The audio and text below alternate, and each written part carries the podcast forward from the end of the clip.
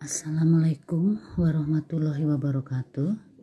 Ini mahasiswa baru yang mengontrak mata kuliah PIS yang ada di semester 1. Perkenalkan, saya Murdiah Winarti, salah satu dosen pengampu mata kuliah ini bersama dengan Dr. Wawan Darmawan.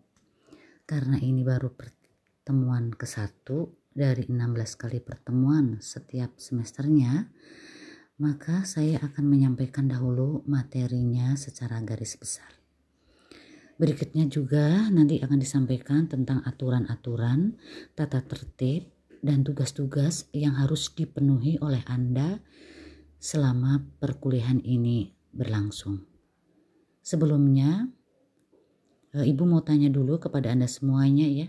Pasti sudah mengenal kata sejarah sejak SD, sejak SMP, SMA, dan kini kuliah di Prodi Pendidikan Sejarah. Pertanyaannya simpel, apa itu sejarah? Ada yang bisa menjawab atau Ibu PR-kan saja ya? E, baiklah, selama satu semester ke depan yang dipelajari para mahasiswa di sini adalah sejarah sebagai ilmu. Meskipun akan disinggung juga sejarah tentang peristiwa ya, dan sejarah tentang kisah atau sebagai kisah.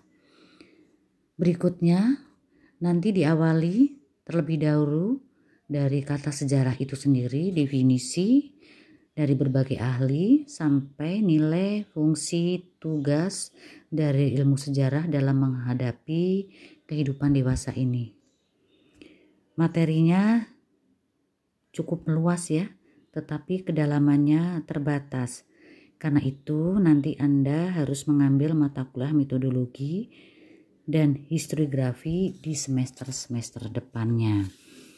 E, terakhir, sebelum Ibu e, tutup, e, tolong Anda mencari sumber-sumber untuk pengayaan dan rujukan bagi mata kuliah pengantar ilmu sejarah yang Anda ambil atau kontrak dalam semester ini. Terima kasih.